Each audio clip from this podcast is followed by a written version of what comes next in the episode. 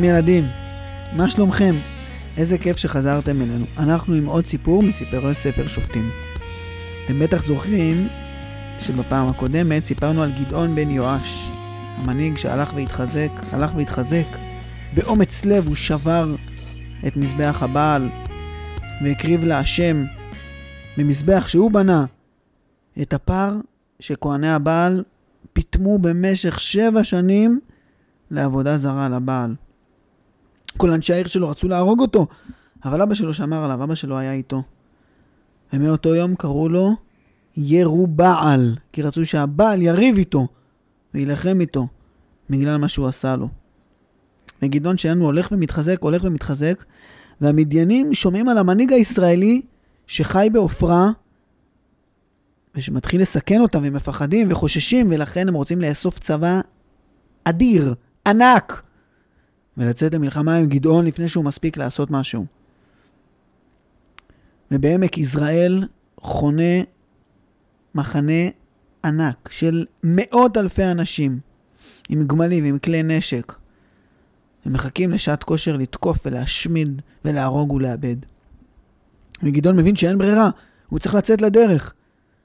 והוא תוקע בשופר ושולח שליחים לכל מיני שבטים, הוא שולח שליחים למנשה, שזה השבט שלו, וכל מנשה, וגם לאשר וזבולון ונפתלי ולכל השבטים השכנים, ואנשים מתחילים ללכת. הוא, מצד אחד הוא שמח, אנשים איתו, אנשים סומכים עליו, אנשים מאמינים בו. מצד שני, הלחץ רק הולך וגדל. אנשים מאמינים בו וסומכים עליו, והוא צריך לפעול ולהוביל. ובלילה הראשון, כל החיילים שהתאספו חונים וישנים, וגדעון לא נרדם. הוא מתפעל לקדוש ברוך הוא ואומר לו, ריבונו של עולם, אתה באמת איתי? אתה באמת איתי? תעשה לי אות. בבקשה ממך, תעשה לי אות שאתה באמת איתי. תעשה לי סימן, תן לי סימן. אה, הנה סמרטוט. מרים סמרטוט מהרצפה ואומר, אם באמת אתה איתי, כל הארץ, כל האדמה, תהיה חרבה ויבשה, והסמרטוט הזה יהיה ספוג במים. גדעון קם למחרת בבוקר, ובאמת, ככה היה. הוא לוקח את הסמרטוט הזה, סוחט אותו, ודלי שלם מתמלא במים.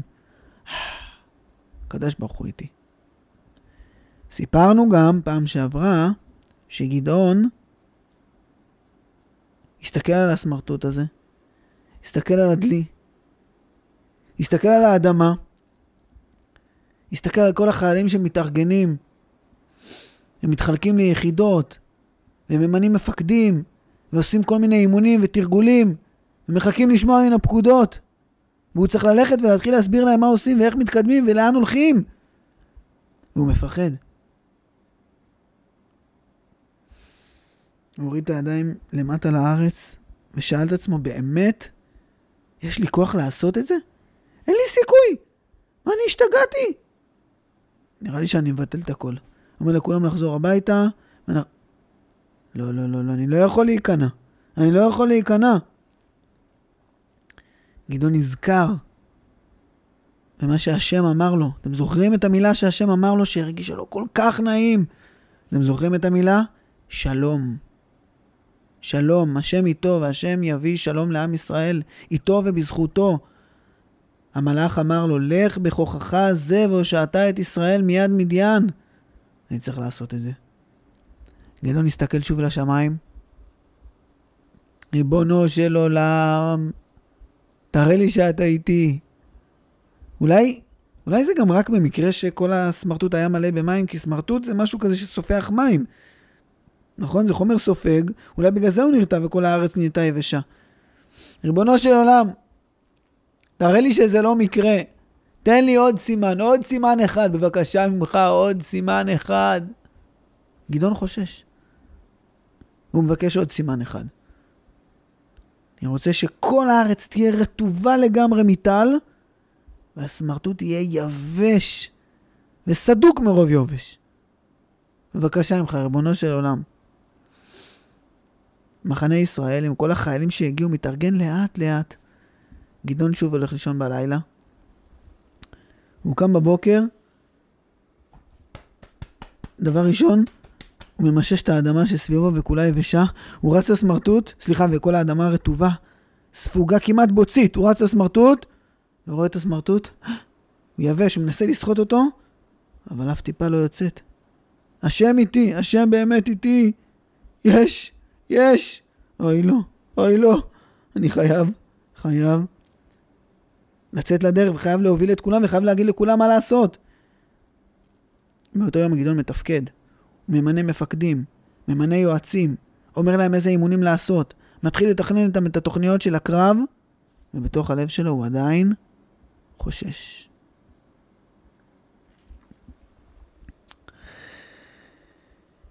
גדעון עדיין חושש, והוא ממשיך להתארגן.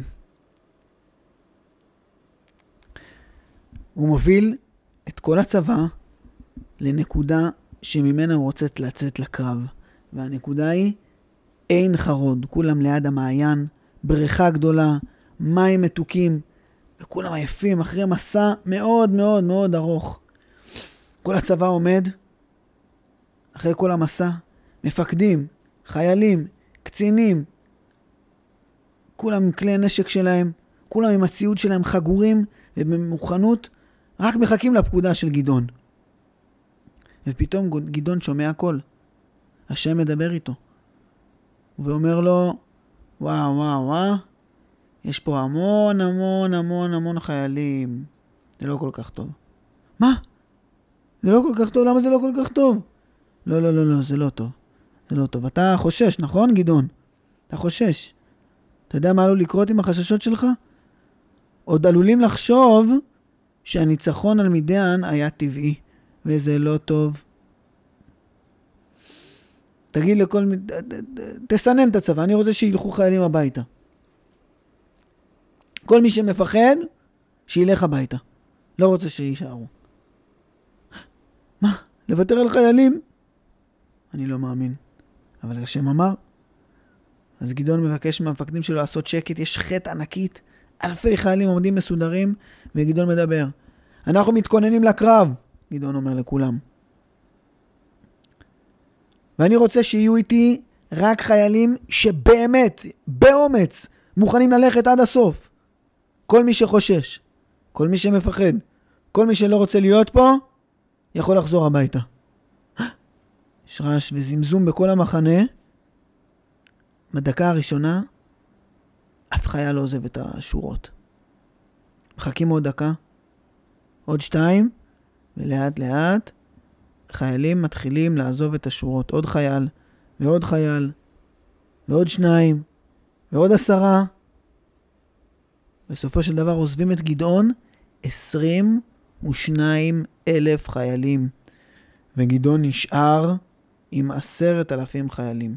רוב הצבא, 22 אלף חיילים, יותר משני שליש מהחיילים עוזבים את גדעון, וגדעון נשאר עם עשרת אלפים חיילים. הוא צריך להוביל אותם והוא לא אומר כלום. שוב, מחכה מסימן, מחכה לדיבור של השם, שיגיד לו מה לעשות. ושוב השם מדבר אל גדעון ואומר לו, גדעון, טוב, כל הכבוד, עשית מה שאמרתי לך, אבל זה עדיין יותר מדי. עשרת אלפים חיילים זה עדיין צבא גדול מדי. מה צבא גדול מדי? המדיינים זה עשרות אלפי חיילים, מאות אלפי חיילים.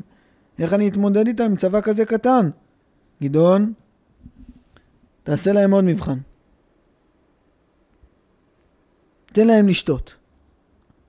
תן להם לשתות מהמעיין. תרשה לכולם עכשיו לשתות מהמעיין, הם אחרי מסע ארוך, כולם עייפים. תן להם לשתות מהמעיין. כל מי שלא ישמור על כוננות ויפול על הברכיים לשתות, תשחרר אותו הביתה. ורק מי שיחזיק את הנשק, ותוך כדי שהוא מחזיק את הנשק, ישתה, ישכב על הרצפה וישתה, רק את החיילים האלה תיקח איתך למלחמה. וגדעון מעביר פקודה שמותר לשתות, עושים הפסקת שתייה. תוך שנייה אלפי חיילים זורקים את הנשק, קוראים על הברכיים ומתחילים לשתות. מעט מאוד חיילים משתמשים בדרך אחרת. הם לא זורקים את הנשק, נשארים בכוננות, מסתכלים מסביב ומתכופפים לאט לאט, מלקקים את המים. אז הקדוש ברוך הוא אומר לגדעון, אתה רואה? כל מי שקרא על הברכיים, ילך הביתה, והמלקקים יישארו. אתם יודעים, מתוך עשרת אלפים חיילים, כמה מלקקים היו לגדעון? אומר לו הקדוש ברוך הוא, בשלוש מאות המלקקים, בשלוש מאות המלקקים, אני אושיע אתכם. גדעון נשאר עם קבוצה מאוד מאוד קטנה. כל העם הולכים הביתה. גדעון חונה בראש הגבעה, בעמק למטה חונים המדיינים. וגדעון מבין שהוא צריך לפעול באותו לילה. אבל שוב, שוב, לגדעון אין מספיק אומץ. גדעון חושש. גדעון חושש והוא לא תוקף באותו לילה. הוא יוצא לסיור, הוא לוקח את אחד החיילים ויוצא איתו לסיור.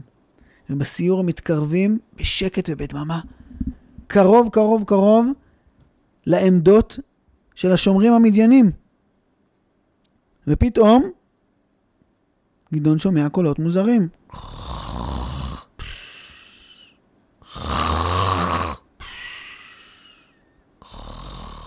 מה זה? החיילים המדיינים ישנים? הם לא מפחדים מאיתנו, הם יודעים שאין לנו סיכוי. הם נרדמים בשמירה. אה, אבל זאת גם הזדמנות. אם הם כל כך שאננים, זאת גם הזדמנות. פתאום גדעון רואה חייל מתקרב לעמדה, לעמדה של החייל הישן. הוא מעיר את חבר שלו, קום, קום, יאללה, יאללה, קום, החלפת שמירות. גדעון מסתכל יחד עם החייל שאיתו ומקשיב. וואו, וואו, וואו, איזה חלום חלמתי. איזה חלום חלמת? מה קרה? מה, היה משהו מפחיד? לא, לא היה משהו מפחיד. תקשיב, אתה לא מבין מה היה. ראיתי איזשהו כיכר לחם שעורים גדול, שפתאום מתחיל להתהפך בתוך המחנה, והוא מתהפך ומתהפך, והכיכר הזה של הלחם שעורים, טראח, מפיל, הופך את האוהל וממוטט אותו. וואי, איזה מוזר. מה זה החלום הזה? אז החבר שלו אומר לו, אה, אני יודע מה זה. הלחם שעורים הזה, זה רמז לגדעון. רמז לגדעון שהולך להפיל לנו את המחנה בטח. תראה איך אנחנו שאננים, מה זה אתה נרדם בשמירה? מה זה? גדעון חוזר למחנה, ושוב הוא מרגיש שמחה גדולה, כי הקדוש ברוך הוא איתו, הקדוש ברוך הוא הביא את החלום הזה, שהוא ישמע אותו, שהוא יתחזק. אבל השמחה הזאת היא גם גורמת לו שוב חשש. כל היום שלמחרת גדעון מתארגן בתוכניות סודיות, סודי סודות. לא מגלים את התוכניות לאף אחד. והוא מחליט שאין לו ברירה אלא לתקוף בלילה. הוא מחלק את הצבא שלו לשלושה חלקים, שיתקפו משלושה כיוונים, 300 איש. 100 איש, 100 איש, 100 איש. כל קבוצה עם ראש אחר, והוא יהיה בראש אחת הקבוצות. כל הלוחמים חמושים, כלי נשק. אבל לכל החיילים יש גם קדים, ובתוך הקדים יש לפידים. ולכל החיילים יש גם בחגור שלהם תקוע שופר, כדי לעשות הרבה רעש, והרבה אור, והרבה קולות, והרבה בהלה. ומתכננים בדיוק, בשעה מדויקת, כל חוליה תגיע מכיוון אחר למחנה מדיין. ובשעה שהם קבעו, כולם ביחד תוקעים בשופרות, וכולם ביחד מפילים את הקדים ושוברים אותם, ופתאום יש מלא אור ואש. והמחנה המדייני, על מאות אלפי חיילים, מתחיל בלאגן ואנדרלמוסיה. חייל אחד, שישן, פתאום שומע קול של מלא מלא דברים נשברים, ורואה מלא אורות וצל, בגלל הלפידים האלה. והוא קם ולוקח את החרב, והחייל הראשון שהוא פוגש אותו, טראח, תוקע לו את החרב. אבל אז, אתם יודעים איזה חייל זה היה? זה בכלל לא היה חייל של גדעון. זה היה חייל מדייני, והחייל המדייני צועק, אה, הצילו, תוקפים אותנו פה! ואז מיד רצים עליו חיילים מהאוהל השני, ותוקפים אותו, וחיילים מהאוהל שלישי תוקפים את החיילים מהאוהל השני, וכל האוהלים של מחנה מדיין, פתאום בבלגן אדיר ועצום, מתחילים להילחם איש באחיו. ובאמת בשלושה מקומות שונים, בו זמנית, החרבות והחיצים והחניתות של אנשי גדעון מתחילים להילחם במדיינים. והבלאגן הזה גורם לזה שפשוט כל מחנה מדיין מתחיל לאט לאט לברוח. יש להם המון המון הרוגים והמון אבדות, וכולם בורחים מזרחה לכיוון מדיין, לכיוון הרי הגלעד. הם בורחים ובורחים. וגדעון לאט לאט מתחיל להבין שהקרב הראשון הולך להסתיים, אבל המלחמה לא נגמרה. והוא מחליט, ביחד עם החיילים שלו, שהם הולכים לרדוף אחריהם עד שהם מחריטים את הצבא שלהם עד הסוף. בינתיים, בינתיים, כל החיילים של אה, מדיין שנשארו חיים מנתקים מגע, הם כבר לא רואים את מחנה ישראל, הם כבר עמוק בבריחה. ואז גדעון מנצל את ההזדמנות ושולח שליחים לכל המקומות שיבואו, שיצטרפו אליו בחזרה, כל החיילים שעזבו איתו, שעזבו אותו. אתם זוכרים את החיילים שהשתחררו הביתה?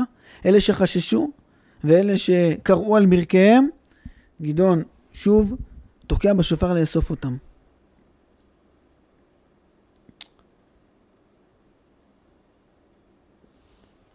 בינתיים גדעון הצליח ללכוד שניים משרי מדיין החשובים. שני שרים, אחד קראו לו עורב, ולשני קראו זאב. גדעון כבר השיג הישגים מאוד מאוד רציניים. מכה ראשונה חזקה מאוד למחנה, שני שרים, הוא הבריח את המחנה שלהם, אבל כמו שאמרנו, ביחד עם הקצינים שלו והיועצים שלו, הוא מחליט לא להרפות. ומתחילים במרדף אחרי הצבא המדייני. כולם רעבים, כולם צמאים. לא עוצרים באף מעיין ובאף מקום. ופתאום מגיע לגדעון איש אחד, ואומר לו, גדעון, שלום, אני משבט אפרים, אתה משבט מנשה, נכון? אתם אחים שלנו. למה לא קראת לנו למלחמה? מה זה? מה, אני... גדעון לא מספיק לענות לו, ופתאום רואה עוד 30 אנשים, וכולם מקיפים אותו, וכולם עם פרצופים כועסים, ולכולם יש ביד אבנים. גדעון מסתכל עליהם, צמצם את העיניים שלו ברצינות, צמצם את השפתיים שלו ברצינות, והם מסתכלים עליו בחזרה, ממשיכים בצעקות שלהם. אתם יודעים מה גדעון ענה להם? אתם יודעים מה הם עשו לגדעון? אתם יודעים האם המרדף של גדעון הצליח? איך הוא המשיך? איזה דברים עברו עליו במרדף שלו? על כל אלה נספר בעזרת השם בפעם הבאה. תודה רבה שהאזנתם לנו. להתראות בפרק הבא של סיפורי ספר שופטים.